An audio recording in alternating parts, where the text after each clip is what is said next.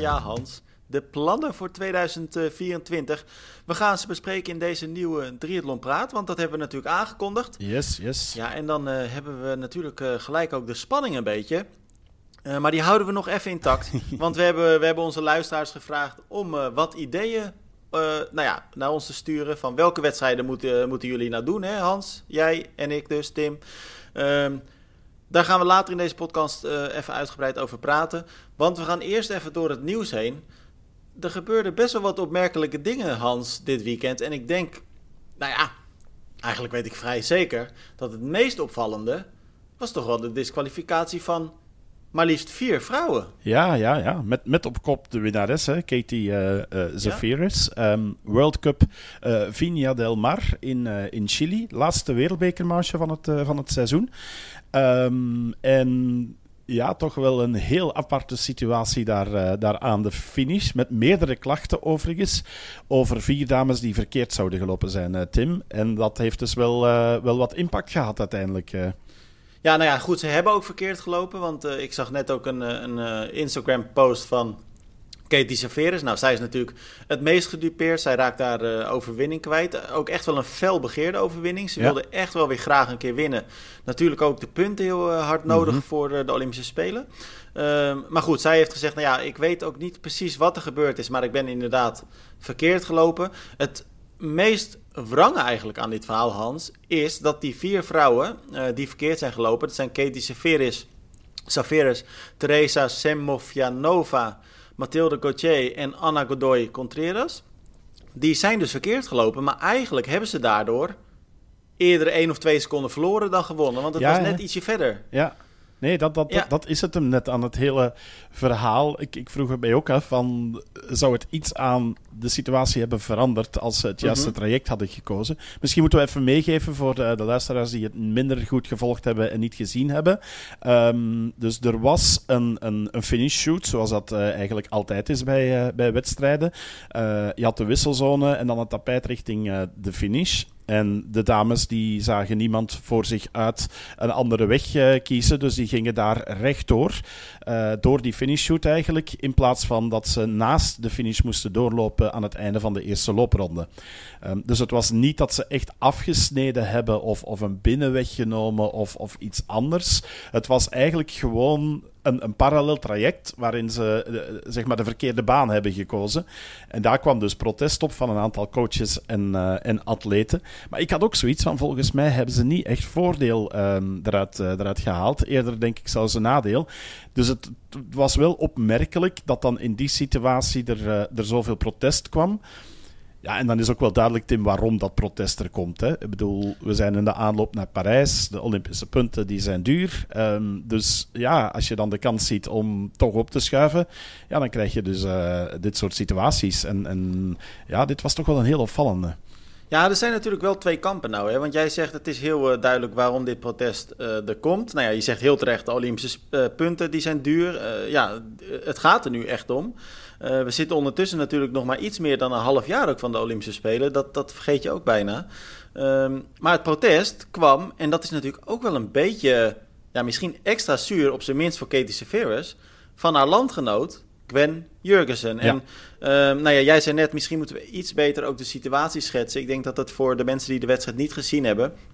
Katie Severus zat op de fiets met een kopgroepje van uit mijn hoofd zes vrouwen. En um, um, Gwen Jurgensen die miste net de aansluiting. Ja. En uh, doordat ze die aansluiting miste, kwam ze uiteindelijk een kleine minuut achterstand uh, van de fiets. Um, en lag dus toen, nou ja, zesde of zevende. Uh, wat volgde was een fenomenale run van zowel Saveris als Jurgensen. Waarbij de laatstgenoemde, Jurgensen dus, ja, die was, die was eigenlijk gewoon weer next level. Die liep zo hard dat ze oprukte tot de derde plaats. En uiteindelijk nou, wat zal het zijn geweest, Hans? Ik denk 10 seconden achter uh, Saveris ja, Ik denk een seconde of 7, 8 dat het was, okay. uh, inderdaad. We kunnen het niet meer nagaan, want uh, de dames die gedisqualificeerd zijn, die zijn uit de uitslag verdwenen. Dus dat, dat kunnen we niet meteen helemaal nakijken. maar, maar het was inderdaad eigenlijk, ja, ik schreef het zelf, een handvol seconden eigenlijk.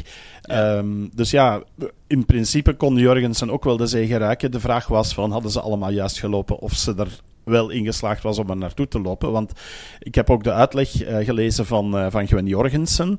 Ehm, en zij zou klacht ingediend hebben, of alleszins denk ik haar begeleiding of haar coach. Uh, want zij zegt zelf van ja, ik vind het jammer dat het op deze manier moet en dit is droevig voor uh, ons allemaal en uh, dit is niet de leukste manier voor mij om te winnen. en, en daaruit bleek voor mij toch wel een beetje van misschien was het niet helemaal eens met het feit dat hierover klacht is ingediend. Um, maar goed, dat, dat, dat zal sowieso ter discussie blijven staan. Ik bedoel, het is ook gemakkelijk om nadien te zeggen van ja, ik had dit ook niet gewild, terwijl je wel de klagende partij bent. Um, Zou je dan ook niet gewoon moeten zeggen van um, ze had die klacht, of het nou zij zelf geweest is, of haar coach, of wie dan ook. Ze hadden die klacht gewoon niet in moeten dienen? Ja, maar ja goed, ze, was niet de enige. Hè. Er, uh, er zijn meerdere klachten binnengekomen, zag ik in het verslag van World Triathlon. Um, dus zowel coaches als atleten die daarachter zaten. Ja, ik zeg het, die ruiken gewoon die Olympische punten. En die weten ook van, als er hier vier voor je wegvallen, ja, dan, dan loopt de teller aardig op. En, en dus dan zit die competitiviteit er wel in. Um, nu voor, voor Team Amerika natuurlijk is het nog een extraatje wat het nog, nog wat uh, uh, ja, dramatischer maakt eigenlijk. En dat is het feit van dat Gwen Jorgensen blijkbaar niet goed ligt in de groep. Want ik weet niet of je nog die, uh, die World Triathlon Series herinnert, waar Jorgensen alleen um, of als enige Amerikaanse in de achtervolging zat. En waar op voorhand al de Amerikaanse dames met elkaar hadden afgesproken, dat bleek toen ook uit de live commentaren, van samen te werken om Jorgensen op achterstand te houden.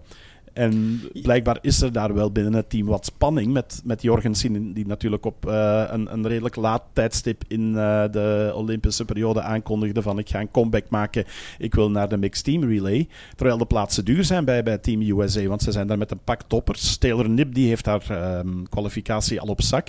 Maar voor de anderen is het nog uh, ja, keihard jagen op een plaatsje in, in de Olympische ploeg. Uh, en dan was uh, de comeback van Gwen Jorgensen niet echt wel gekomen. Uh, dus je merkt wel dat er wel wat spanningen zijn. En dit gaat er denk ik niet bij helpen, Tim. Nee, dit gaat er zeker niet bij helpen. En ik, kijk, jij zegt van ze ligt niet zo goed in de groep. Ik, ik denk dat dat op zich best wel meevalt. Althans, het zal op zijn minst niks persoonlijk zijn. Het is inderdaad echt wat jij zegt. Het gaat om, nou ja, wel of niet naar Parijs. En al die vrouwen, al die dames, die willen dat natuurlijk ontzettend graag. Voor heel veel is het zelfs een, een, een, een, een kinderdroom. Kijk, een aantal is natuurlijk al geweest, maar voor de meeste geldt dat ze ook nog nooit die Olympische Spelen gezien hebben. Uh, ja, daar wil je als triatleet, top triatleet, op zijn minst één keer heen. En als je die kans krijgt en je merkt ineens van... hé, hey, er komt een wereldtopper bij die ook een gooi doet naar dat nou ja, felbegeerde startbewijs dus... ja, dan, uh, dan, dan baal je natuurlijk enorm. Uh, en zeker als je weet dat het een Gwen Jurgensen is die, die zo gigantisch hard loopt. Dat, nou ja, als je op vijf kilometer bijna een minuut dichtloopt, dat zegt wel wat over hoe goed je bent. Uh, maar ja, juist daarom denk ik van ja, hadden ze dan dat protest nu moeten in? Kijk, Hans, je kan ook afvragen Kijk, als er is afgesneden, als je er voordeel van hebt gehad, dan snap ik heel goed. Dan zou ik zelf ook de eerste zijn geweest. Althans, als ik op dat niveau dan uitkom. Hè. Kijk, als aidsgroeper zou het me ook niks uitmaken. Maar op dit niveau, dan zou ik de eerste zijn geweest die inderdaad naar de jury zou zijn gestapt. Van joh, kunnen jullie dit checken? Want volgens mij gaat er iets niet goed. Mm -hmm. Maar nu, kijk, ik denk dat, dat, dat ook deze vrouwen die de, de protest hebben ingediend. Uh, of de coaches dan, wie het ook zijn die weten ook, net als wij dat gezien hebben, en net als dat je het nu ook overal online leest, die vier vrouwen die gedisqualificeerd zijn, die hebben eigenlijk geen voordeel gehad. Ze hebben, ze, hebben eerder nadeel gehad. Ja. ja, dan denk ik, strijk over je hart, laat het protest voor wat het is, en accepteer gewoon dat je die wedstrijd niet gewonnen hebt en niet goed genoeg was om nou ja, bij die top 4 te finishen. En ik denk dat je daar in ieder geval heel wat meer empathie mee verdient. Ja, ja dat, dat, zeker. Dus uh, ik, ik, had ook, ik had ook wel die, die, die reactie uh, mentaal bij mezelf. Ik dacht van, ja, het, zou eigenlijk uh, getuigen van fair play en empathie inderdaad. Van, van het zo te laten. En ik denk ook, um, als ik een beetje ook tussen de, de regels lees bij um, World Triathlon in hun verslag, dat dat initieel ook de bedoeling was dat ze het gewoon zo wouden houden. Maar omdat er dan meerdere klachten binnenkwamen, dat ze dan niet anders konden dan tot disqualificatie overgaan. Want de regels zijn dan wel weer heel duidelijk. Je mag het parcours niet verlaten. Ja. Um, dus, en, en je leest dan ook in de uitleg van, van Gwen Jorgensen, die zegt van, uh, ja, ik was zelf ook aan het twijfelen, want ik zie die meiden voor mij, zie ik eigenlijk uh, rechtdoor lopen, terwijl wij um, het afslagje moesten, moesten nemen en um, het, het, stukje naast de finish moesten, moesten, lopen. Ze zei, ik ben zelf ook beginnen twijfelen, maar ik wist hoe het parcours eruit zag en had er dan vertrouwen in dat ik wel juist zat en ben blijven doorlopen. Want voor hetzelfde geld krijg je dat als je één iemand verkeerd ziet lopen, gaat vaak iedereen erachteraan dat hebben we ehm, natuurlijk ook met Els Visser uh, vorig jaar gehad. Dan moet ik eventjes denken. Ik denk dat dat Challenge Wanneka is geweest. Het was in ieder geval een wedstrijd in Australië of Nieuw-Zeeland. Uh, maar volgens mij was het dus inderdaad Wanneka. Uh, dat zij, en dan zou ik ook eventjes niet meer weten wie haar... Els reed tweede. Er reed een topvrouw voor haar. Die sloeg op een gegeven moment rechtsaf, waar ze rechtdoor hadden gemoeten. Reed vijf kilometer verkeerd, geloof ik. En Els Visser, die, uh, die, die, die zei toen ook, ik sprak haar na afloop. Ze zei, ik wist dat ik rechtdoor moest... Maar omdat die vrouw voor mij naar rechts ging, ging ik twijfelen en heb ik in een split second besloten om toch naar rechts te gaan. Omdat ik gewoon dacht, ja, dat, dat klopt dan wel, dan zal het wel. En ja, dat is, zo'n beslissing maak je. Je hebt zo weinig tijd om zo'n beslissing te maken. En ja, nu heeft Gwen Jurgensen dan inderdaad het geluk dat ze de juiste beslissing heeft gemaakt. Uh, waardoor ze nu ook die titel uh, pakt. Maar ja ik, ja, ik blijf erbij. Ik denk niet dat dit een overwinning is waar ze met het meeste plezier op zal terugkijken. Nee, dat denk ik ook niet. En, en uh, ook al, ze, ze, had al drie wereldbekerzegers, dus ze komt nu op, op vier. Um, ik denk dat het nog anders is als je er geen enkele hebt gewonnen, dat je dan echt zegt van oké, okay, hop. Um, ja. En, en ja, ja. Het, het, is een, een, een dubbele, want dat was ik me ook nog wel een bedenken. Ik, uh, want we hebben bij ons aan de foto van het podium geplaatst. Um, en die dames hebben er wel echt wel een podiumceremonie van gemaakt. Ja. Daar was heel veel nou, vreugde nou, dat verbaasde mij ook zo erg. En dat vond ik dan ook wel weer een rare. Als je dan zegt van ja, op deze manier wil ik eigenlijk niet winnen. Uh, maar wel de champagne volop laten spuiten en, en uh, vieren op het podium. Ja... Ja, en het waren ook echt wel, hè? Ze waren echt uh, breed, uh, breed aan het lachen allemaal. En, maar ja, aan de andere kant, Hans, jij zei ook net terecht: er staat in het reglement, uh, je blijft op het parcours. Nou, lijkt me ook een hele logische regel. Ja.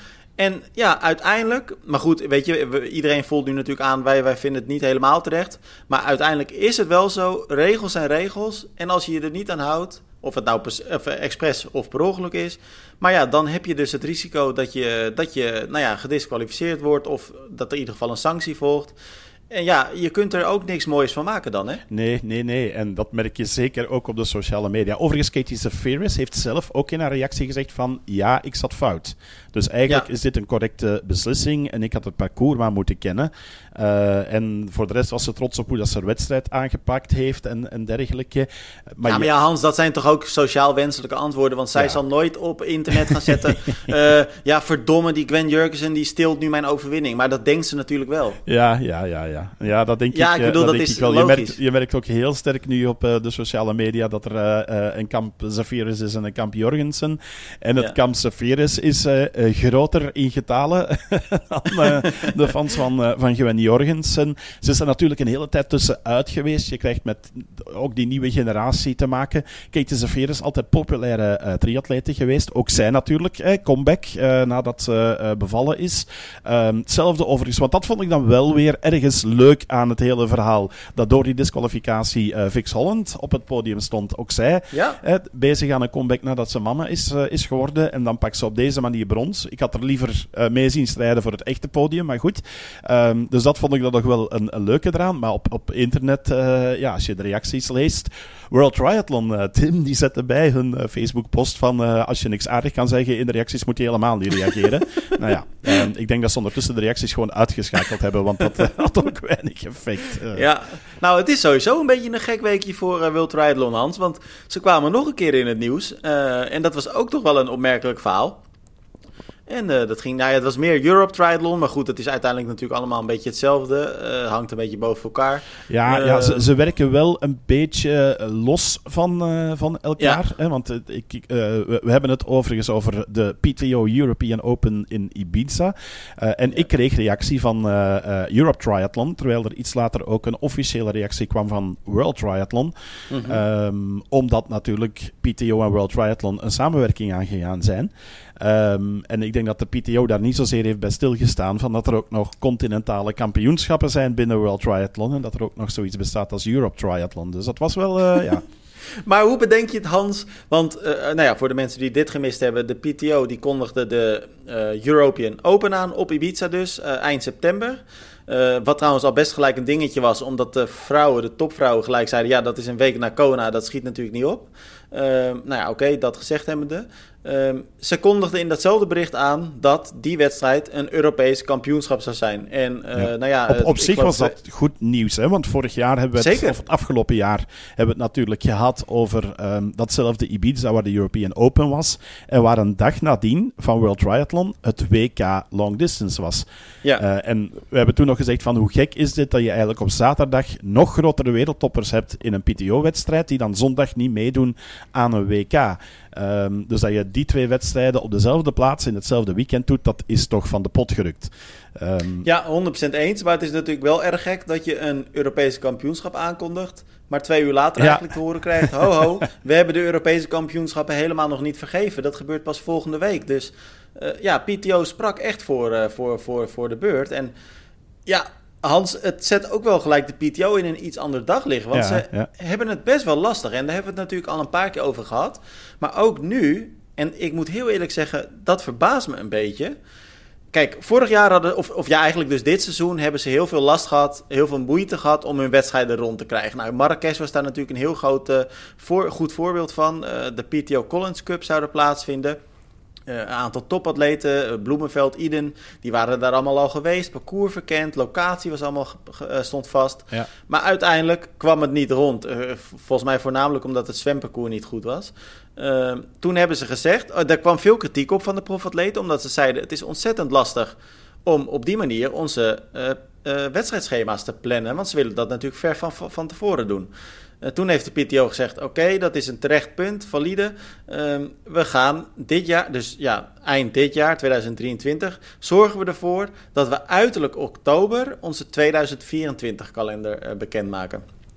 Nou, toen kwam natuurlijk het nieuws wat jij net al zei, de samenwerking met World Triathlon. Ja. Ze gaan die, uh, die, ik weet niet eens, het is een hele ingewikkelde, lange naam, maar die, die soort wereldkampioenschap tour doen. Ja, de, de Minimaal... PTO Long Distance World Tour.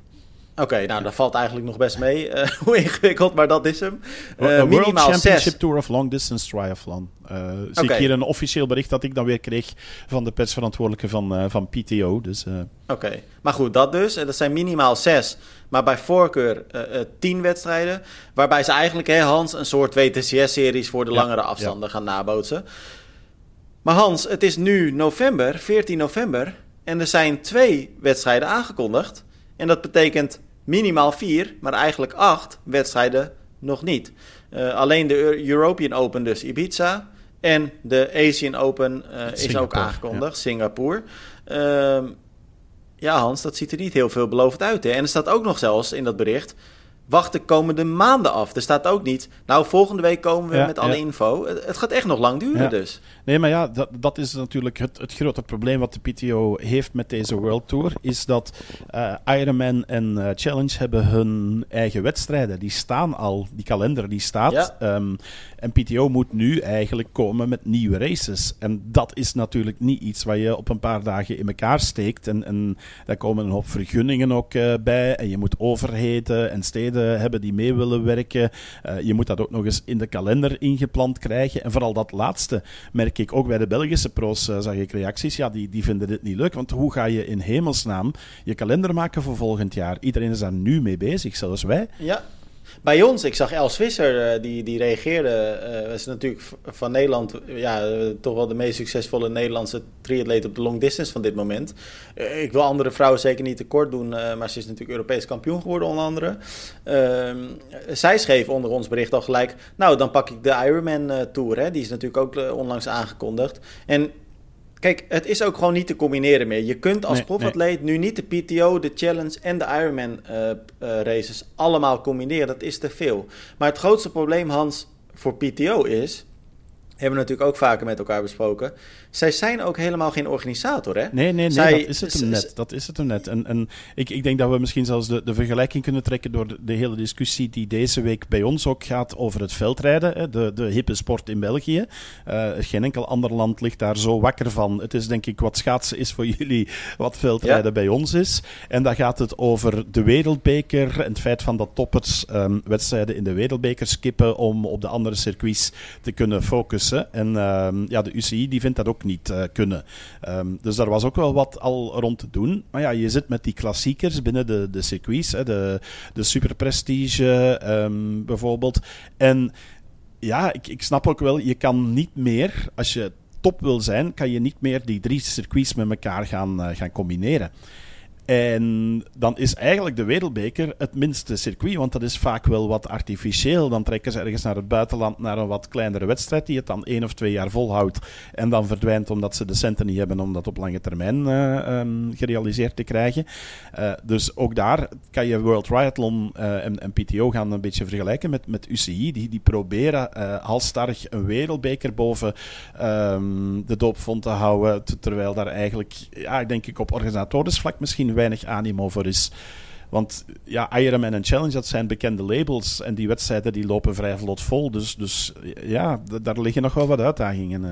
Maar denk jij dan ook dat de PTO zich echt een beetje zorgen moet gaan maken... ondanks haar diepe zakken over de toekomst? Of denk je dat het nog niet uh, zo nee, dat, dat denk ik dat dat wel mee gaat, uh, gaat vallen. Um, en, en je gaat natuurlijk ook de pro's krijgen die, die toch bewust voor de PTO gaan kiezen, net omdat ze uh, diepe zakken hebben met veel geld. Dus, dus, op dat vlak denk ik niet dat dat een, een, een, beperking gaat zijn op dat vlak. Nu, je merkt ook wel, ze willen ook gaan inzetten op agegroep races met die tour. Um, en dat kan natuurlijk wel een verschil gaan maken, want als je als, organisa als organisatie een wedstrijd wil neerzetten, doe je dat niet enkel voor de pro's, maar je wil natuurlijk ook wat inschrijvingsgeld uh, binnenkrijgen. Het moet voor je sponsors ook interessant zijn dat daar niet alleen zeg maar 30 pro's naartoe komen, maar dat dat ook een massabeleving wordt. En, en, daar hebben ze volgens mij nog wel heel veel werk. Um, dus ja, ja want ben... al die wedstrijden zijn heel slecht ontvangen wat dat betreft onder de aidsgroepers. En dan uh, kunnen we wel wat termen eraan hangen. Maar de term die ik het meeste voorbij zag komen was sfeerloos. Ja, ja. ja maar ja, dat, we hebben het toch zelf gezien ook. Hè. De, de, de wedstrijden van de PTO-tour uh, dit jaar. Uh, die blonken niet echt uit in ambiance aan de finish. Dat is niet dat daar massa's volk is. Dat is ook niet altijd het geval bij, bij Ironman en, en Challenge. Vaak heb je de grote sfeermomenten pas als het gros van de agegroepers binnenkomt. maar toch is er een groot verschil. Zeker met de echte uh, topwedstrijden. Als je gaat kijken naar Ironman Hawaii, naar Challenge Road bijvoorbeeld. Ja, dat zijn finishes, daar krijg je kippenvel van. Um, en dat heb ik geen enkele keer gehad bij, uh, bij PTO. Dus uh, ja, het is een aparte. En, en ze hebben toch wel wat werk aan de winkel. Ik denk ook in de samenwerking met, uh, met World Triathlon. Ik had toen overigens ook de vraag gesteld, Tim, van uh, hoe zit dat nu met dat officiële Europese kampioenschap? Omdat ik de reactie kreeg van Euro Triathlon van dat wordt helemaal niet Ibiza en uh, ze hadden dit helemaal nog niet moeten aankondigen. Um, en dan hebben ze daarop gereageerd van ja, dat klopt. Um, we're, we're working through the specifics of how our new 100k race in Ibiza should be referenced alongside other events for professional professionals and amateurs. For example, Europe Triathlon's calendar of races. En dan zeiden ze er dus bij van dat ja, the professional winner could come from any country around the world. Dus ze zeggen, eigenlijk zeggen zij met niet zoveel woorden van, we wouden er denk ik volgens mij uh, een PTO European Championship van maken, zoals Ironman dat ook doet met het North American Championship, het European Championship. Um, en uh, ja, dan, dan denk ik dat ze zich ja, daar een beetje laat hebben gerealiseerd van, oh, maar we hebben wel een partner die officiële EK's doet en waar alleen een Europeaan Europees kampioen kan worden. Ja, en los daarvan, Hans, als er nou nog een Europees kampioenschap bij komt, ja, of wereldkampioenschap, of wat dan ook, dan, dan is de sport echt verloren hoor, Hans. Want dan, dan het is niet meer te overzichtelijk genoeg. En we, we krijgen het nu natuurlijk ook hè, onder onze artikelen. Je, je schrijft geloof ik iets van uh, 66 uh, Europese kampioenschapsverslagen per jaar. En, maar mensen begrijpen het niet nee, meer. Nee. En, uh, en trouwens, dat geldt eigenlijk ook voor mezelf. En, en tuurlijk, ik, ik snap wel hoe het werkt. En ik, ik heb ook wel het overzicht van welke wedstrijden Europese kampioenschappen zijn. En van welke organisaties. Dus je snapt het wel. Maar aan de andere kant snap je het eigenlijk helemaal niet. En het zorgt helemaal niet voor duidelijkheid. Het zorgt, niet voor, het zorgt er ook helemaal niet voor dat mensen uh, met veel meer. Ja, dat, de hype wordt er veel minder groot van. Hè? Want die wedstrijd, je wil eigenlijk, tenminste, dan spreek ik voor mezelf. Mensen kunnen er natuurlijk heel anders over denken. Ik wil eigenlijk gewoon één groot Europees kampioenschap, één groot wereldkampioenschap, ja. Olympische Spelen erbij. Uh, en, en daar mogen best wel hele grote wedstrijden onder hangen. Maar ik wil niet zes Europese kampioenschappen hebben. Dat is gewoon te veel. En ja, als de PTO dan inderdaad zelf nog een Europees kampioenschap gaat aankondigen, dan, dan denk ik uh, niet dat dat een lang leven beschoren is. Ja, zo waren beter geweest, denk ik, met een volledige kalender aan te kondigen dan met een EK aan te kondigen. exact. Alright. Nou, Hans, genoten van Melbourne, dat was Nederlands en Belgisch succes. Uh, tenminste, ik denk dat ik Hanne de vetste prestatie ook wel succes ja, ja, ja, absoluut, toch? absoluut. Dat heeft ze uh, supergoed, uh, supergoed gedaan. Eerst, allereerste 70.3 Ironman voor, voor Vetje. net zoals voor haar vriend Hayden Wild. Dus het was een dubbel succesje voor, voor die twee. Um, en Hanne eigenlijk super gedaan. De hele tijd goed mee voorin in de mix met, met de kopgroep. Uh, met onder andere Lotte Willems daar ook, uh, daar ook bij. Uh, alleen na 12 kilometer lopen heeft ze toch nog wat leergeld moeten betalen en heeft ze een flinke tik gekregen. uiteindelijk maar een minuut of vier verloren. Dus op zich, ze noemden het zelf een flinke tik, maar ik vond het eigenlijk nog wel meevallen. Um, en ook omdat je de hele dag mee, mee voorin hebt gezeten, ook op de fiets. het was gewoon een sterke race van, van Hanne. Um, en ze laat wel zien, denk ik, dat ze talent heeft voor de langere afstand. En met het, het leerproces erbij, wat ze nu heeft ervaren uh, kan ze daar ook alleen maar sterker in worden. Dus uh, nee, best wel ja, mooie, mooie wedstrijd ook, hè, Tim? Ja, het was een hele mooie wedstrijd. En ja, Hans, ik denk dat ik ook voor jou spreek. Dan is het ook wel een luxe dat als je die wedstrijd uh, zit te volgen, dat je gewoon een, een Belgische en een Nederlandse vrouw in zo'n kopgroep hebt zitten. Dat is, dat is natuurlijk ook wel eens anders geweest. Uh, nou ja, wij hadden dus Lotte Wilms inderdaad. voor Lotte een beetje pech Geldt misschien ook wel voor Hanna trouwens, maar dat kun jij beter zeggen dan ik. Uh, voor Lotte sowieso dat het zwemonderdeel werd ingekort. Uh, Lotte moet het natuurlijk echt hebben van haar zwemmen. Uh, komt ook uit de zwemwereld uh, oorspronkelijk. Uh, ja, dus haar voorsprong was nu iets minder groot dan, uh, dan normaal. Ik moet wel zeggen, Amelia Watkinson, de, de favoriet op voorhand en uiteindelijk ook de winnares, titelverdedigster trouwens ook, die kwam op een forse achterstand uit het water, vond ik. Echt drie minuten. Ehm, terwijl het zwemmen dus maar, dus haakjes, 900 meter was. Ehm, dus dan vind ik drie minuten echt wel erg fors. Alleen ja, uiteindelijk fietsen ze wel uh, iets van twee of uh, tweeënhalve minuut van dat gat uh, dicht in de, in de ja. 90 kilometer. Maar goed, met, met 1900 ja, was het verschil mogelijk nog groter geweest. Hè? Want Emilia Watkinson is niet de beste zwemster, to say the least. Precies. dus, nee, precies. Maar, dat vind ik, maar vind jij, ik vind drie minuten erg veel voor 900 ja, dat meter. Wel, dat wel, dat is echt wel veel. Dat vind ik echt een heel groot gat. Maar goed, dat, uh, je hebt het wel vaker dat, dat uh, hoe korter de, de afstand dat ze moeten uh, zwemmen, hoe sneller het natuurlijk voorin gaat. Dan zijn degenen die echt ja. de goede techniek hebben, die zijn helemaal in het voordeel. Dus dat, dat speelt natuurlijk ook wel, wel zijn rol. Um, alleen zag je ook, want Hayden Wild die ging ook supersnel. Um, en achter hem was er best wel een grote groep die op een, een tiental seconden lag. Dus daar waren de verschillen wel minder. Maar je ziet wel dat dat dan de echt goede zwemmers, die gaan echt wel hard in, in zo'n kortere uh, zwemnummer, omdat ze ook weten van ik moet je niet doseren, ik kan voluit gaan. Dus, uh, maar dan nog ja. eens drie minuten inderdaad nou, gigantisch. Uh. Ja, nou, Lotte Wilms gaf in ieder geval een mooie glans nog aan haar toch al succesvolle seizoen. Werd uiteindelijk derde. Maar Hans, ik heb ook wel heel erg genoten van, nou ja, je noemde het net al, de vriend van Hanne, Hayden Wild dus. Hij won ja. de mannenrace. Ehm, maar Hans, kijk, het zwemmen dat kunnen we even laten, want die tijden zeggen niet zoveel. Maar hij fietste, hou je vast, 1,56. Ja. En hij liep 108. Ja, en heeft niet doorgelopen. maar daarover zo, nee, zo ja. dadelijk meer. Bizar, toch Hans? Ja, ja. Ik, ik, ik, ik, uh, ik zag het ergens wel aankomen. Ik wist dat hij het in zich uh, had en er ook voor wou gaan. Um, want uh, wie het zich nog herinnert, in december um, van afgelopen jaar heb ik een interview gedaan met uh, Heide en Hanne um, bij de galaavond van Athletes for Hope uh, in Wustwezel, ja. waar zij ook uh, met z'n tweeën waren. En toen hadden ze al de primeur gegeven van wij willen ons in 2023 kwalificeren voor het WK 70.3 Ironman, omdat dat in Taupo is in Nieuw-Zeeland. Um, en Taupo is de stad van Heide Wild, dus hij wil daar voor eigen volk starten. En hij wou dit jaar dus nog voor de Spelen die kwalificatie pakken. En die heeft hij dus nu op zak. En je zag toen al van de drive bij Heden van ik maak daar een doel van en ik ga er gewoon 100% voor. Uh, en dat heeft hij ook gedaan met, met een fietsnummer wat echt indrukwekkend was. Um, het, het, waren niet meteen, moet ik zeggen, de allergrootste namen in, uh, in Melbourne. Uh, maar wel een aantal Australiërs en Nieuw-Zeelanders die, die toch wel wat ervaring hebben op die, die langere afstand en die je niet zomaar naar huis fietst.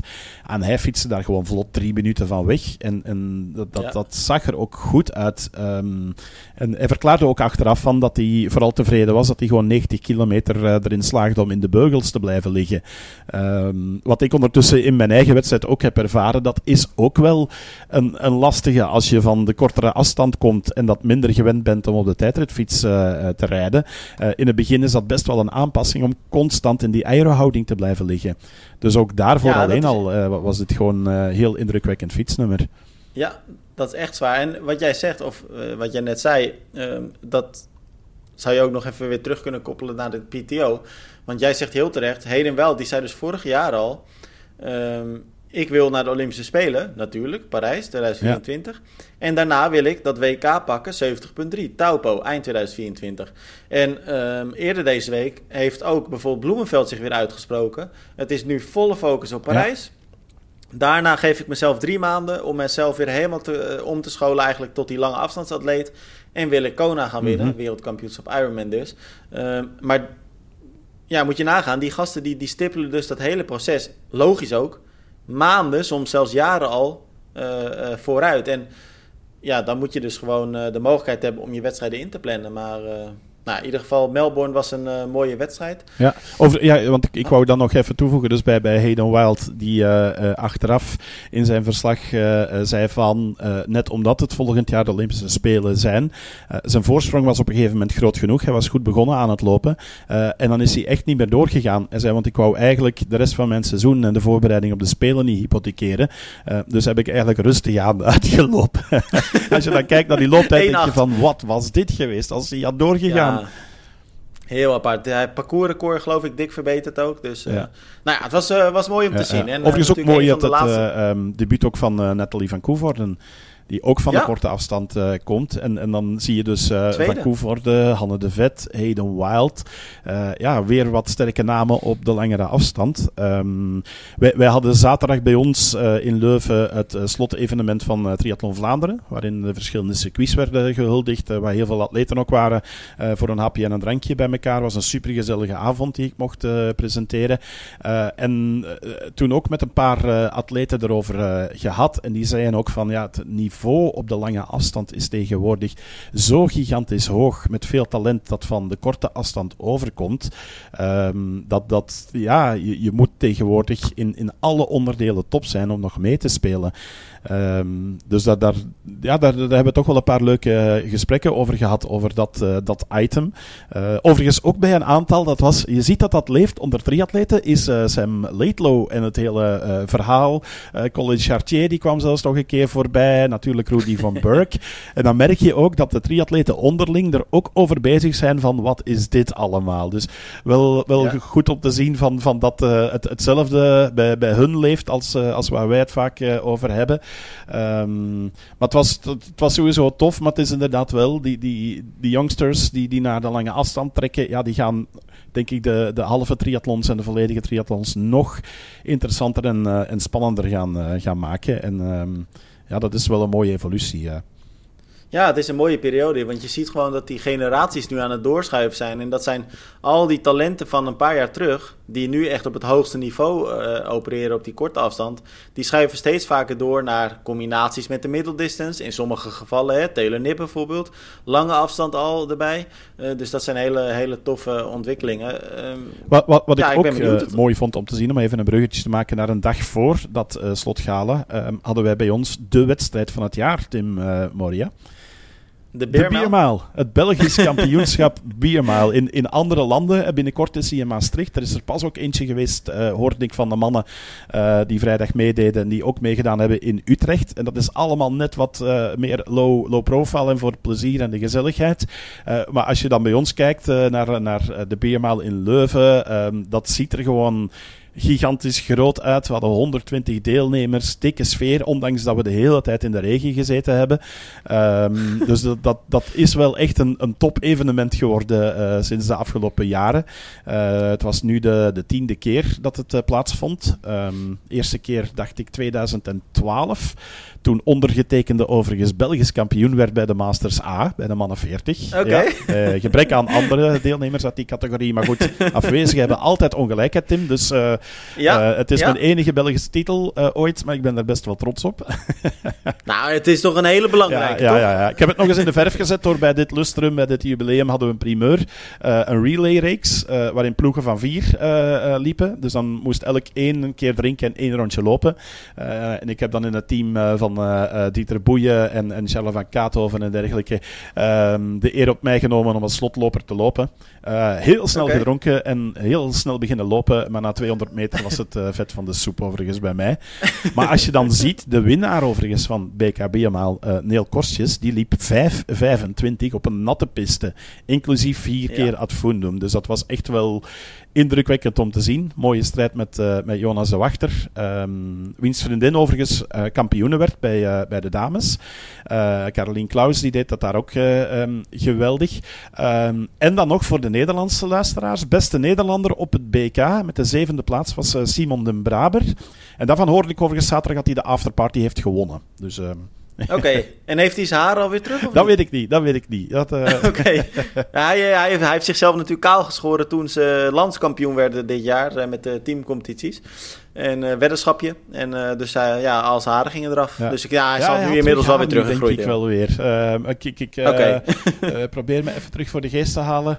Um, ik denk, denk het wel. Ja, die, die had hij al in, in, Almere, denk ik, hè, waar hij de halve triathlon won. Dus, ah ja, dat klopt. Toen had hij ze ja, alweer terug. Dus, dus dat, dat klopt. Nou nee, ja, maar, maar volgens mij is de teamcompetities daarna okay, pas afgelopen. Maar nou, dat weet ik eigenlijk ook niet. Hans, vraag je. Medelijden met Marcel Wouda of niet? Dan moet je mij even helpen.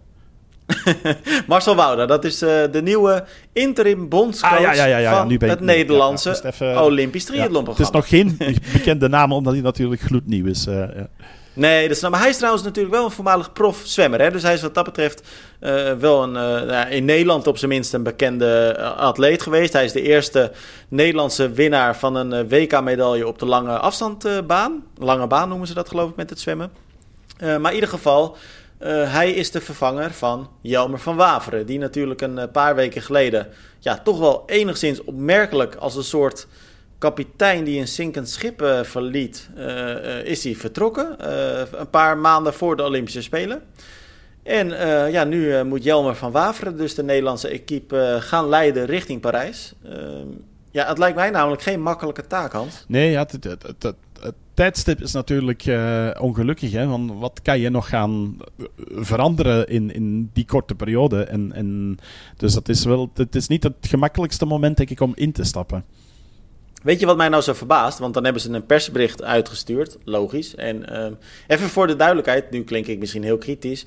Um, ik ben blij dat er nu een nieuw gezicht voor de groep staat hoor. Dus ik denk dat het alleen maar goed is. En ik denk ook dat Marcel Wouda, uh, die ik niet persoonlijk ken, helemaal niet. Maar als je zelf succesvol atleet bent geweest, weet je op zijn minst een beetje uh, hoe het zou moeten werken. Ja, ik denk, denk overigens uh, dat ook dat het goed is dat het iemand is die buiten de triathlonsport zat die dan minder nou, hij is al een hele tijd heeft gehad met, met alles wat er de afgelopen tijd gespeeld heeft binnen de NTB. Ja, maar dat is dus niet zo, want hij is al best wel een hele tijd verbonden aan ah, de NTB. Uh, dus dat is op zich eigenlijk een beetje jammer, uh, vind ik dan ook inderdaad. Maar wat mij een beetje verbaast, is dat er in het persbericht dan staat... Uh, we blijven de ingeslagen weg vervolgen. Maar in mijn beleving is die ingeslagen weg nou nog niet echt succesvol. Want we hebben natuurlijk dan Maya en uh, Rachel uh, die geplaatst zijn. Maar we hebben nog geen mannen. De mixed relay staat er slecht voor. Ja. Dus dan hoop je toch eigenlijk een beetje dat ze misschien juist een beetje in een andere richting opgaan. Of, of ben ik dan te kritisch? Ja, misschien is het gewoon realisme. Ik weet het niet.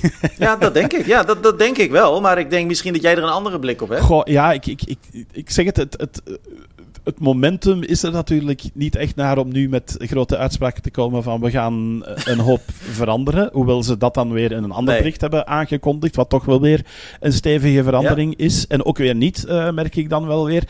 Um, dus het, het, ja, ik, ik, denk dat dat op, op, minder dan een jaar voor de Spelen is het sowieso een lastige van, van welke koers ga je nog, uh, nog varen. Um, en dus op dat vlak snap ik het wel. En, en ja, je moet met iets komen. En Ja, en interim, hè, Hans. Dus het is ook maar tijdelijk. Dus het is ook niet dat je denkt... Want er staat er ook in het persbericht... we moeten zorgen voor consistentie en rust. Nou, interim, dat staat in principe niet per se voor consistentie. Mhm. Dus dat is eigenlijk ook wel een tegenstrijdigheid. Uh, maar goed, weet je, we geven hem natuurlijk alle kans. Uh, of alle, ja, alle kans. Uh, dat, dat verdient hij ook gewoon. Laten we hopen dat hij er echt wat tofs van maakt. Dat zou echt wel heel uh, fijn zijn. En zeker ook voor de betrokken atleten inderdaad. Het andere bericht waar jij uh, op doelde, dat is natuurlijk ook nog best een dingetje hier in Nederland in ieder geval. De RTC's uh, die gaan verdwijnen. Dat zijn uh, de, de regionale trainingscentra's. In Nederland hebben we een NTC. Ehm, nou, dat hangt er natuurlijk dat nationaal boven. Nationaal Trainingscenter, die, daar zitten in principe alle echt toptalenten. Die moeten klaarstaan worden voor de Olympische Spelen. De RTC's die hangen daaronder zijn dus regionaal. En daar krijgen eigenlijk de echt jongere atleten de kans om zich richting dat NTC uh, uh, te werken. Uh, nou, is natuurlijk best een kostenpost. Bij die RTC's lopen ook trainers rond. Ehm, ja, dat kost gewoon geld. En dat geld is er eigenlijk niet, want de NTB, daar gaat het gewoon niet zo heel goed mee. Zeg gerust, eigenlijk slecht. Ehm, en dus gaan die RTC's nu weg. Er komt een, uh, een topsport talentontwikkeling. Uh, of nee, sorry, ik zeg het verkeerd. Ik lees het eventjes verkeerd. Een talentidentificatieprogramma voor in de plaats. Um, en zo moeten dan eigenlijk de nieuwe talenten gescout, in kaart gebracht worden. Uh, wat een goede ontwikkeling is, denk ik, is dat die kinderen langer thuis blijven wonen. Dus ze gaan niet gelijk intern. Nou, dat lijkt me heel goed gezien alle problematiek van de afgelopen periode. Wat me een beetje wel weer uh, toch tegen de borst uit. Want er staat er. Um, dan zoek ik het heel eventjes op dat ik het wel goed zeg. De focusgroep wordt ieder jaar opnieuw vastgesteld door het hoofd talentontwikkeling Marcel ten Wolde. En dat gebeurt dan na, en ik citeer, ruggespraak met relevante experts. Nou, er staat niet wie dan de mhm. relevante experts zijn, dus dat is niet echt objectief. En ik zie dan eigenlijk één naam, Hans, Marcel ten Wolde. Ehm, ja, het komt niet heel sterk over, hè? Vind, je, vind ik dan. Nee, ja, ook, ook hier. Um, en en er is ook helemaal niks gezegd over het NTC. Blijft dat dan wel bestaan en in welke hoedanigheid? En, um, ja, het, het, is. Ik, ja, ik, ik, weet ook niet hoe dat ik er de vinger precies op moet, uh, uh, moet leggen, maar ik, ik vond het... Ik vind het altijd mooi, Hans. Jij bent altijd met dit soort onderwerpen... Wat diplomatiek. Ben jij altijd... Ja. ja. dan word jij diplomatiek, dan hoor ik je een beetje inhouden. Dan, dan denk ik, zeg wel wat je vindt. Ik denk dat ze gewoon nood hebben aan een strakke visie. Punt. Oké, okay. nou ja, ja, maar dat moet komen me, die zegt van jongens, zo gaan we het doen. En daar ook duidelijkheid in brengen. Ehm, en, en eh, zowel intern als, uh, als extern, ook naar ons toe, naar, naar de buitenwereld toe, uh, daar ook sterk over communiceren. Want dat is wel, wil, uit, uit die persberichten blijkt niet echt heel veel daadkracht. En is het een beetje zo van, je merkt het ook aan de reacties, hoe, hoe mensen reageren. Ja, dat krijg je omdat er gewoon te weinig duidelijkheid is. En natuurlijk stijgen er ook mensen, want dat heb ik dan ook wel gezien, die nauw betrokken waren bij de RTC's en die dan komen met de succesverhalen van vroeger. Um, maar goed, de, de, het grote succesverhaal blijft voorlopig uit. En ik denk dat men misschien daar keihard mee worstelt. En ik denk dat het goed is dat er iemand daar zou komen met een visie die zegt van kijk, dit is het plan, um, dat gaan we op zoveel tijd gaan realiseren. Geef ons die periode, ondertussen doen we deze en deze stappen. Um, een, beetje zoals bij ons een, een, uh, Tim Moriot, die daar wel is meegekomen met een topsportplan over de langere termijn en daar heel duidelijk een aantal punten heeft in, in neergezet en zich niet bij iedereen even populair heeft uh, gemaakt. Um, hè, zeker niet naar af en toe wat, wat regionale coaches en dergelijke. Maar het is wel een strakke visie en je weet van hier gaan we voor en daar mag je dan op een gegeven moment ook op gaan afgerekend worden. En dat mis ik op dit moment een beetje in Nederland.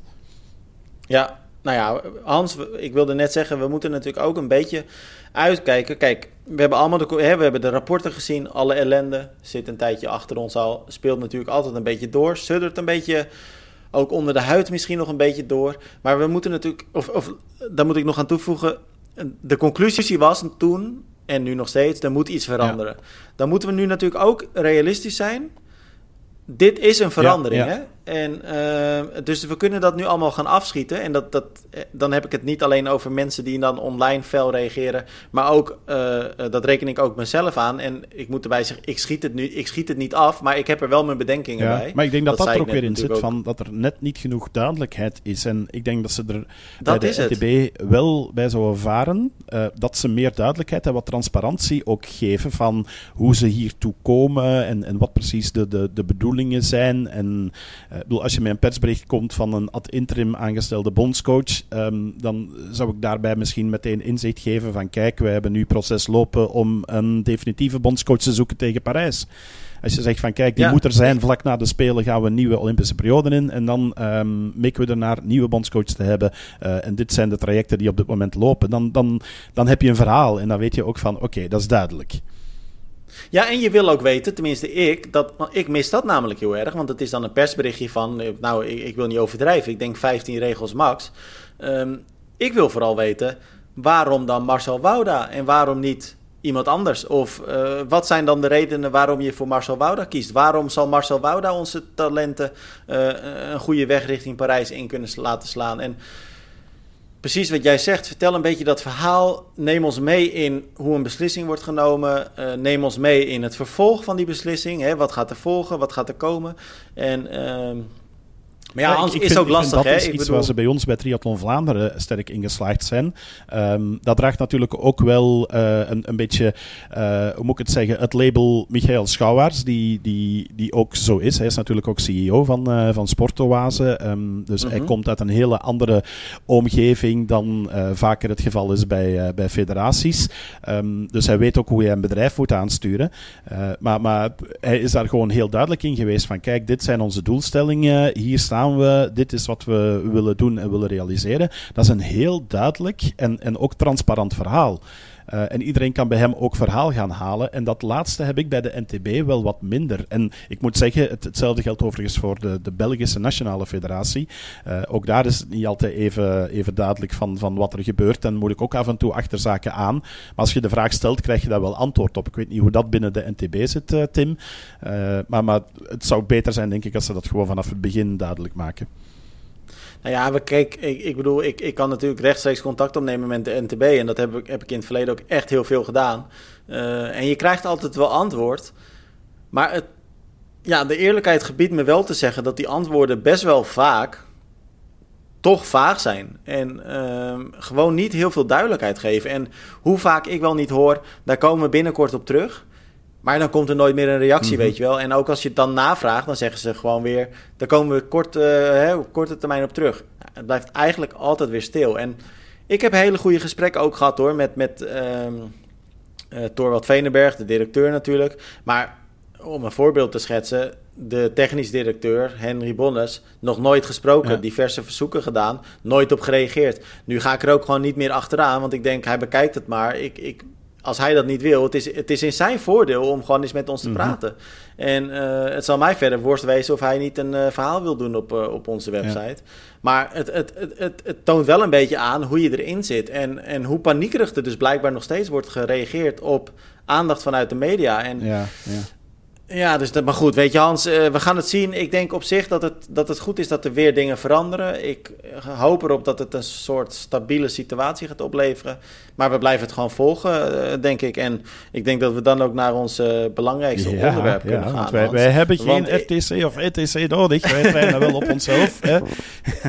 maar Hans, hebben ze je een beetje gespaard, die luisteraars? Of hebben ze echt alleen maar krankzinnige dingen geopperd om mee te doen aan wedstrijd, qua wedstrijden? Het, het, het viel best best wel mee, moet ik uh, zeggen. Uh, buiten natuurlijk okay. uh, ja, de typische. Iedereen heeft mij daar ook op aangesproken.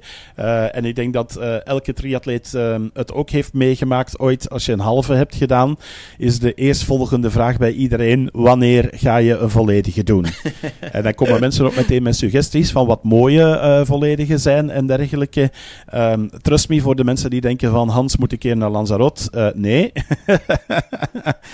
Wegens absoluut geen klimmers principe. Ehm, en, en ik vind Lanzarote een fantastisch eiland uh, om, uh, om te vertoeven.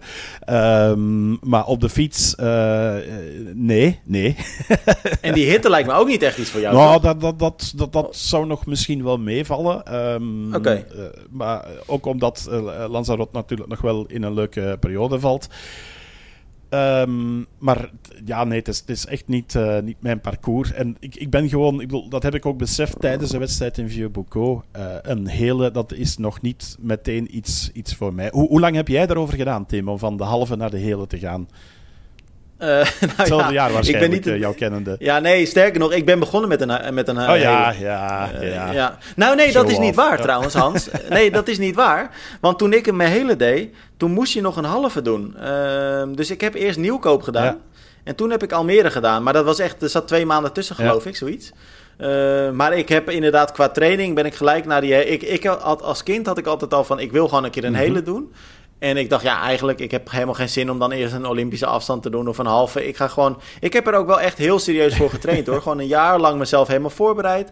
En ik was er ook helemaal klaar voor. Doel gehaald uiteindelijk. Dus ik heb gewoon een hele leuke dag gehad toen die eerste keer. En uh, eigenlijk koester ik misschien nog wel mijn, mijn mooiste herinneringen aan die dag. Want zo'n eerste hele, dat blijft toch echt heel speciaal. Net als je eerste halve, denk ik. Want als ik jou over Vieux Boucault hoor praten, ja. was ook heel magistraal. Um, ik, ik krijg nog altijd blik in de ogen als mensen mij daarop aanspreken en ik een verhaal doe. Ja, dus uh, dat, blijft wel, wel bij. En ik heb dat ook al tegen een aantal mensen gezegd. Van, uh, ook hoe die wedstrijd is verlopen en de omstandigheden. Ja, je vergeet dat nooit meer, die, die eerste keer. Dus, um, maar, maar een, een volledige afstand ja, ik, ik had dat al tijdens de wedstrijd, was ik er aan het denken. En dacht ik van dit maal twee. En dan denk ik van met, met alle tijd die je er nu al hebt ingestoken. Um... Maar zo werkt het niet, hè Hans? Nee, nee, ja, ik, ik weet het. Dat is, dat is heel kort door de bocht om te zeggen maal twee. Maar het is wel, als je eh, vooral, want eh, qua, qua zwemtrainingen hoef je jezelf niet al te zwaar aan te passen. Uh, qua looptrainingen moet je natuurlijk ook wel iets meer volume gaan trainen, maar het zit vooral in de, de, de lange duurritten op de fiets. Um, waar je dan toch wel een paar keer vijf, zes uur op de fiets moet, uh, moet zitten. Ja, en dat is gewoon een hele lastige. Ook omdat ik heb nauwelijks weekend natuurlijk als uh, triathlon speaker. Dus dan zou ik echt wedstrijden moeten gaan laten vallen om te speakeren om in het weekend te gaan trainen. Uh, en dat is een moeilijke. Dat is eigenlijk vergelijkbaar met mensen die een job hebben en, en uh, voor en na proberen te trainen. En die kunnen dan ja. wel iets vaker in het weekend een uurtje of zes met de fiets erop uitrekken. Ja, dat is bij mij natuurlijk minder het, het geval. Um, dus dat is alleszins, vind ik in mijn eigen ogen, een heel goed excuus. En ik wil het misschien ooit wel doen, want dat speelt ook wel in mijn achterhoofd. Maar, maar dat wil ik toch wel iets langere tijd laten overgaan. En eerst nog even op de, de halve gaan. Um, en welke zou je dan willen doen, Hans, als je dan een lange moet doen, een hele? Goh, ik... Uh, je wil eigenlijk wel een keer graag over um, de rode loper lopen om te horen van You are an Ironman. Ik heb de woorden zelf al een paar keer mogen uitspreken uh, en honderdduizend keren uh, gehoord. Maar eigenlijk, ja. als ik mag kiezen, um, en dat klinkt dan misschien een beetje raar, maar ik vind Challenge Almere die wedstrijd heeft bij mij altijd een enorme uitstraling gehad. Uh, en dat zeg ik niet omdat ik er het afgelopen jaar uh, speaker was, maar dat was eigenlijk al toen ik jong was. En, en je zag uh, die eerste beelden van, van de Holland Triathlon. met de mannen die dan in, in de kleedkamer in de sporthal in Den Haag was het toen nog. Ja. zich gingen omkleden. Dat weet je, dat, dat staat nog zo op mijn netvlies. Um, en sindsdien heb ik wel altijd iets gehad van... Het is eigenlijk wel een race die je een keer moet gedaan hebben. Um, dus ik denk, mhm. als ik voor de hele zou kiezen, dan, dan denk ik dat, dat Almere um, op één zou staan. Uh, ja, en Hawaii natuurlijk. Maar ja, dan moet je ergens op een hele ook nog eens zien te kwalificeren. en dat is niet zo gemakkelijk. Um, dus dus uh, uh, Almere lijkt me dan net iets haalbaarder voor mij. ik ken daar ook een paar mensen, dus dat scheelt ook. ja, ja, ja, ja. maar over een paar, nou, een paar jaar, hè, want niet dat iedereen nu zegt van... ja, Hans, je moet Almere gaan, gaan doen. Um, maar er kwamen ook heel andere suggesties binnen. Maar ik ben ook benieuwd, heb jij veel, veel suggesties gekregen, Tim? Ja, ik heb wel wat suggesties gekregen, Hans, maar ik, als ik, ik, ik heb het rijtje hier voor me staan, want ik heb even de paar, de paar leukste eruit gepakt. Maar uh, ja, ik denk wel dat uh, eigenlijk 90% rechtstreeks de prullenbak gaat. Want ik, ik noem ze even op. Alp de West Triathlon ja. vind ik trouwens wel een hele leuke, uh, leuk bedacht. De Norsman. Ja. Tri Amsterdam kwam voorbij. Die heb ik er even aan toegevoegd, omdat dat natuurlijk best wel een hele normale triathlon mhm. is. Het is een middeldistance, die heb ik toegevoegd. Maar daar kom ik dan zo even later op terug als we echt onze planning even bespreken. Want die ga ik ook doen, denk ik. Ah, um, nou, Challenge Almere werd natuurlijk genoemd. Bijna vanzelfsprekendheid, denk ik, als je het over mij hebt. Uh, Egmond, dat had ermee te maken dat we nu natuurlijk startbewijzen mhm. weggeven voor uh, de combi, combi-klassement. Maar ja, nou komt het allerraarste, Hans. De Transcontinental Race. de, voor de mensen die hem niet kennen, dat is iets van 4000 kilometer. De West Coast Challenge. Uh, Dat vond ik nog best wel heel erg leuk. Dat is, dan loop je eigenlijk de hele Nederlandse kust af. Dat is 130 kilometer. Maar toen zat ik net eventjes op de site te kijken... voordat we deze podcast opnamen. Maar wat blijkt, Hans? Ze organiseren het niet meer. In ieder geval niet de 130 kilometer solo. Ehm, want ze hebben eigenlijk ieder jaar te veel ehm, uitvallers. Uh, en dus doen ze alleen nog de halve en die is 62 kilometer.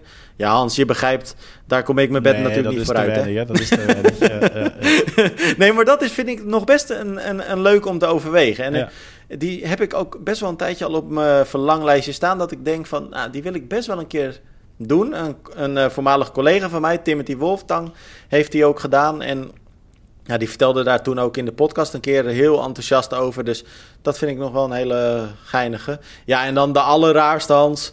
Um, die heb ik alleen even niet opgeschreven. En dan zal je zien dat ik nu even niet op de naam kom. Dat is die, um, uh, hoe heet die, die, die allerextreemste uh, ultrarun waar Karel Sabbe had gewonnen. Uh, hoe heet die nou? De Barclays. In Amerika. De Barclays Marathon. Ja, ik, ik weet niet wat mensen precies van mij denken, Hans, maar dat soort dingen ga ik niet doen. Ja, ja, het zou nog wel geinig zijn. Dat, uh... ja, maar dat, uh, ik, zou, ik zou denk ik nog niet eens één ronde halen, denk ik. Ja, ja, die, maar Hans, wat, wat, wordt je, wat wordt jouw planning voor volgend jaar? Ik, heb je, heb je een beetje zal een schema? nog even zeggen, want ook bij mij kwamen wat extreme uh, zaken binnen. Um, de, oh, toch? De, de, okay. de langste is de, de Jogclub Ultra. Uh, werd ja. voorgesteld. Um, dat, is op, uh, dat was dit jaar op paasmaandag. Neem aan dat die volgend jaar ook terug op paasmaandag is. Wedstrijd van uh, Seppe Odijn en Bobby Pasen, dus van de Jogclub podcast. Die dan de Jogclub mm -hmm. Ultra hebben op het Frans Klaaspad in, in Herent. 59 kilometer lopen. En dan denk ik ook, gasten, kom aan. Ik, wil, ik heb in oktober mijn eerste halve marathon gelopen. om dat dan maal drie te gaan doen, zeg maar, een 59 kilometer te gaan lopen. Um, dat, dat denk ik dat dat er voorlopig nog niet in zit. Dan moet ik toch wel iets meer um, haar op de tanden krijgen wat de lange afstand betreft. Dus de, de, ik, ik, vond het een leuke uh, qua, qua Wel een leuke, ja. Uh, en het is, ook wel, het is ook best wel een ontspannen race en, en uh, ook heel veel volk dat je kent en dergelijke. Um, dus dat is wel, wel tof. ja, en dan ben ik stil aan het kijken naar, naar mijn planning. het hoofddoel wordt normaal gezien begin oktober Challenge Barcelona. Maar dan wil ik nog even kijken van wat wordt de definitieve datum en wordt dat effectief een halve uh, triathlon. Daar is heel veel sprake van, maar ik heb het op de website alleszins nog niet uh, bevestigd gezien. Um, dus daar wil ik naartoe. Uh, en ondertussen, want dat is wel. Een, ik, dat vind ik echt wel, wel uh, tof. Um, natuurlijk heeft er heel veel volk meegeleefd met mij met, uh, met Challenge Vieux Boucault. Maar er waren er ook een paar Belgen die daar meededen. En die ik dit weekend ook teruggezien heb. En ik heb ze ook ruim bedankt voor, voor de support en het meelopen in die laatste meters en dergelijke. Dat was echt super tof. Dat deed echt super veel deugd. maar die nu zoiets hadden van ja, dit gaf ook wel een extra boost aan onze wedstrijd. Dus ik wil terug een wedstrijd gaan doen volgend jaar waar jij ook start. ah, leuk. Uh, ja. Dus er zijn wel wat kandidaten voor Challenge Barcelona. En um, ik heb ook nog een uh, tussendoel, ook omdat daar een paar mensen naartoe gaan die ik goed ken. En waar we daar al over praten. Um, maar dat is 21 april, uh, 70.3 Ironman Valencia. Ja, nice. Dat is, dat is, een nieuwe ook wedstrijd, een mooie wedstrijd. Ook een, een uh, city uh, triathlon. Ja. Um, en daar ben ik nog een beetje over aan het twijfelen, omdat het parcours in het fietsen um, heeft 700 hoogtemeters. Uh, eigenlijk is het een één lange ronde met een vlakke aanloop. Dan trek je eigenlijk naar de, de heuvelzone en dan kom je vlak terug naar, naar de wissel. Um, dus daar moet ik nog eens een keer goed over gaan nadenken, maar het lijkt me wel een toffe. En dan in, in Valencia in april, lekker weertje erbij. ik denk dat dat een hele gave wedstrijd is, Hans. Die werd onlangs natuurlijk aangekondigd. En ik zag ook aan alle reacties van mensen die... Ja, het spreekt heel veel mensen aan. Uh, en ik snap het heel goed, want wat jij zegt, april, daar is het gewoon super lekker weer. Het is een hele leuke stad. Uh, ja, ik denk dat dat een hele toffe keuze is als je die uh, doet. Ja, en verder natuurlijk dacht ik van uh, Europees kampioenschap in Ibiza te doen, maar ja, dat... is niet te plannen eigenlijk, hè? dat is voorlopig nog even niet, ja, niet, niet en, Maar dat is ook helemaal niet handig, Hans, want dan zit je weer met Kona en Nice, jongen, dat is niet te combineren. Nee, nee, klopt, klopt, klopt. Dus nee, dat, dat worden de twee hoofddoelen normaal gezien. Um, en als het niet Valencia wordt, ga ik proberen die periode wel iets anders ook te plannen. Ook omdat het een weekend is dat ik geen, voorlopig geen wedstrijd moet, moet spiekeren. Um, en daarvoor ben ik ook nog wel aan het kijken, want je hebt uh, de, de natuurlopen in, uh, in Lier bij ons. Daar heb ik er het af, helemaal in het begin van dit jaar, denk ik dat dat was. Dat was zo'n beetje het einde toen van mijn eerste start to run. Daar heb ik toen de vijf kilometer meegelopen. Dat is een beetje het begin van het traject geworden, dus daar wil ik eigenlijk terug naartoe deze winter. Uh, en die hebben in maart ook een halve marathon ertussen staan. Want dat zijn denk ik uh, vier, vijf weekends uh, waarin ze die lopen organiseren. En vaak is het dan vijf en tien kilometer. Uh, maar daar zit ook één keer halve marathon, één of twee keer halve marathon in.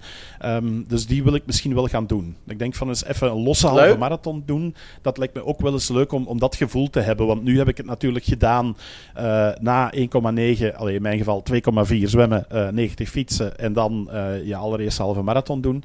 Maar ik wil ook wel eens zien van hoe, hoe is dat om, om gewoon gewoon 21 kilometer te lopen. Dus, uh, dus dat is eentje wat ik nog tussendoor. En blijf, je, en blijf jij nu uh, met een schema trainen? Uh, nee. En ben je überhaupt doorgegaan? ik ben nu niet met een schema aan het trainen. Um, ik heb er wel met Peter overlegd, met Peter Kroes, mijn trainer. -hmm.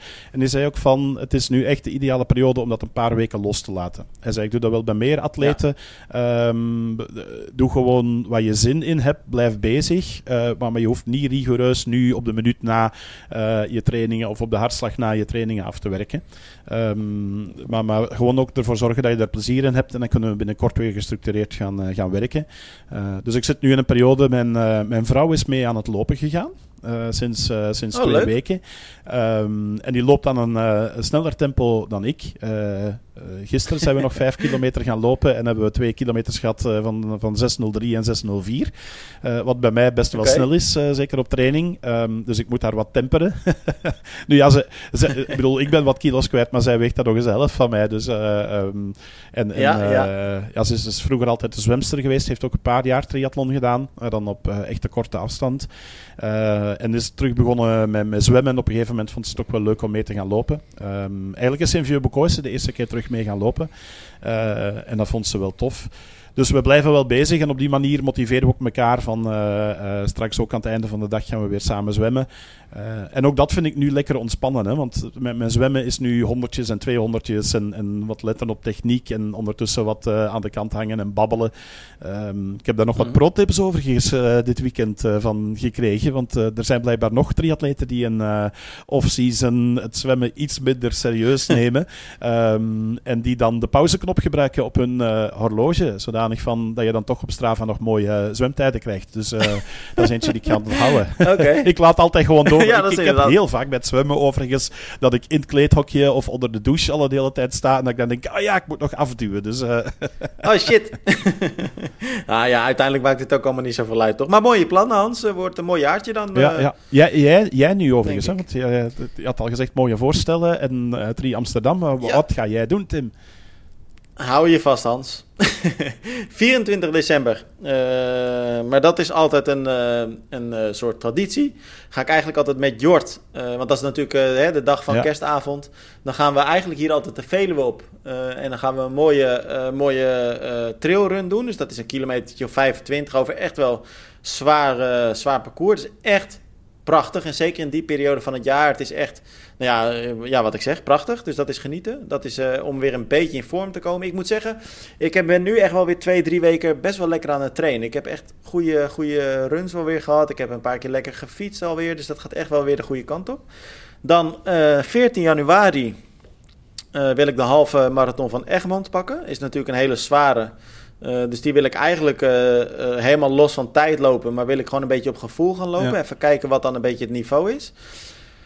Um, wil ik ook niet te veel pushen nog. Ga, dan ga, 30 ga je niet maart. met de beach race? Nee, nee, nee, dat ga ik zeker, ga, ga ik zeker niet doen. Daarover gesproken, want dat, dat vind ik helemaal niks om met een fiets over het strand te rijden en al het schoonmaakwerk.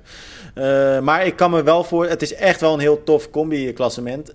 volgende maand daarover gesproken, gaan we ook nog drie startbewijzen voor dat combi-klassement weggeven in deze podcast. Dus dat wordt, wordt leuk. Als je interesse hebt in dat evenement, zorg dat je luistert. Blijf luisteren. Uh, eh, 30 dus maart, Hans, dan de eerste. Misschien moet ik uh, het mountainbiken doen en jij de halve marathon. Dan doen we eigenlijk de combi in team. nou, misschien, maar als je het leuk vindt. Maar of je kan de halve lopen, dat kan ook. Dus het is echt een prachtige ja, wedstrijd natuurlijk. Het gaat iets te vroeg zijn, denk ik, voor mij om weer, uh, weer te zijn op de halve. Hoe lang? Ja, hoewel, de basis is er nog altijd, dus... Um, Twee maanden vanaf nu nog, precies. Ja, ja, zo over nadenken. Nou ja. Uh, dan 30 maart, dan wil ik wel echt even een eerste lekkere wedstrijd pakken. Dat is de tijdrit van Almere. Dat is natuurlijk een thuiswedstrijd. 42 kilometer over de dijken. En dan 9 juni, en ik denk dat dat misschien dan een beetje mijn hoofddoel gaat worden, is Tri Amsterdam. En dat is uh, een halve. Uh, dwars natuurlijk door Amsterdam en ook de polder die eromheen ligt. Toffe wedstrijd. Meer dan duizend deelnemers ieder jaar.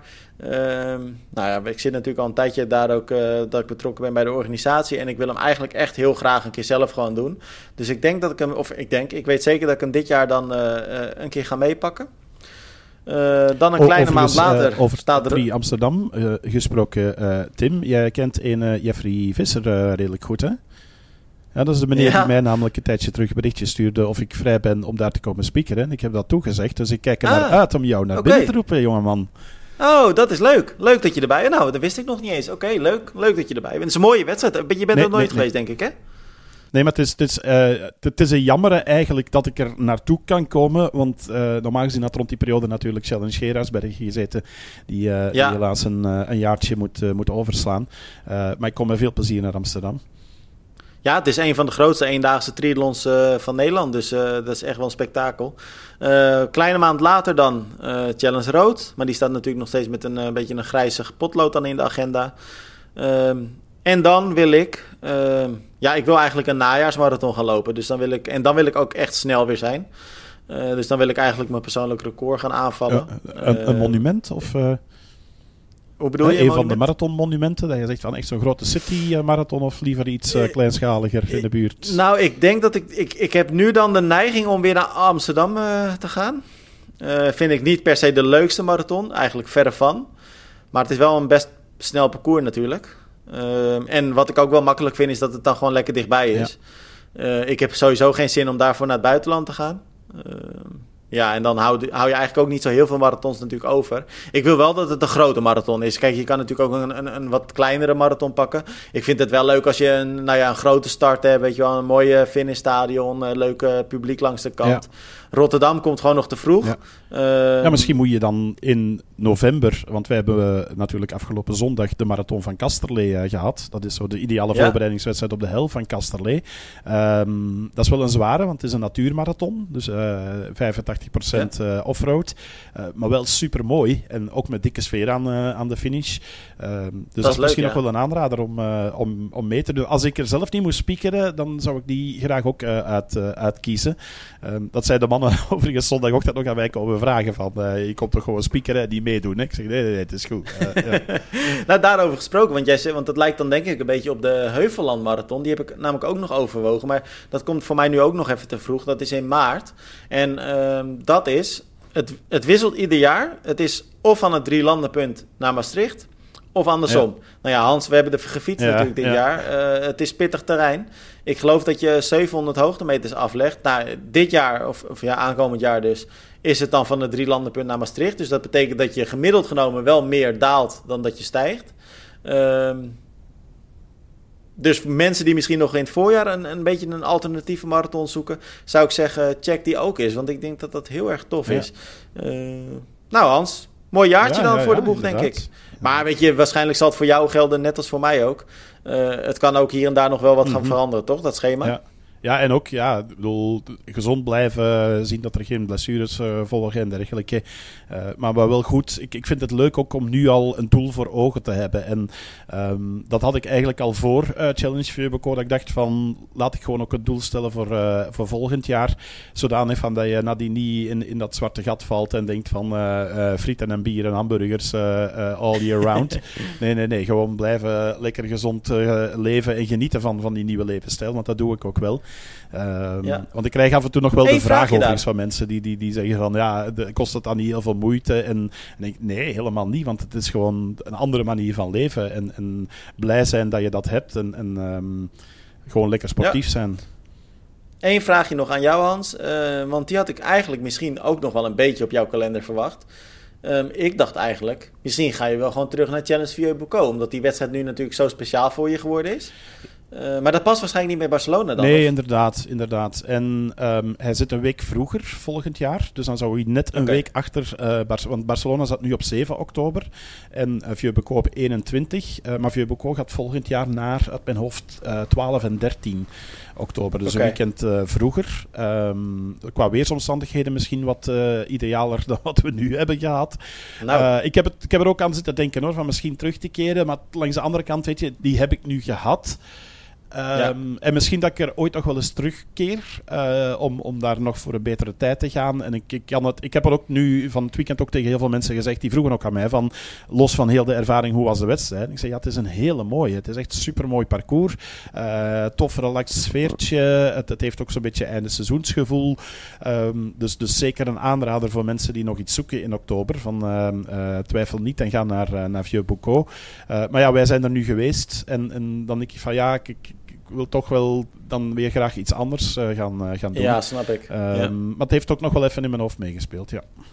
Alright. Hans, eindigen denk ik maar. Hè? We yes. zijn al 1 uur 10 ja. bezig. Het gaat hard. Ja, pas perfect nu bij het heropstarten van de lange duurstrainingen. Hè? ja, en volgende week hebben we echt weer heel veel te bespreken ook met elkaar. En ik denk dat uh, de belangrijkste wedstrijd dan, ja, dat wordt een spektakel. Ironman Cozumel. Ja. Ik ben benieuwd. Gaan er weer wereldrecords sneuvelen Gaat Menno Koolhaas onder de 39 minuten zwemmen? Dat zou zomaar kunnen. En ik sluit het ook niet uit dat hij uh, gewoon, uh, nou ja, sowieso een dik PR gaat, uh, gaat, gaat ja, verbeteren. Dat zit erin, dat zit erin. We gaan ja. het zien. Alright, we gaan het zien. Hans, tot volgende week. Tot volgende week. Hoi.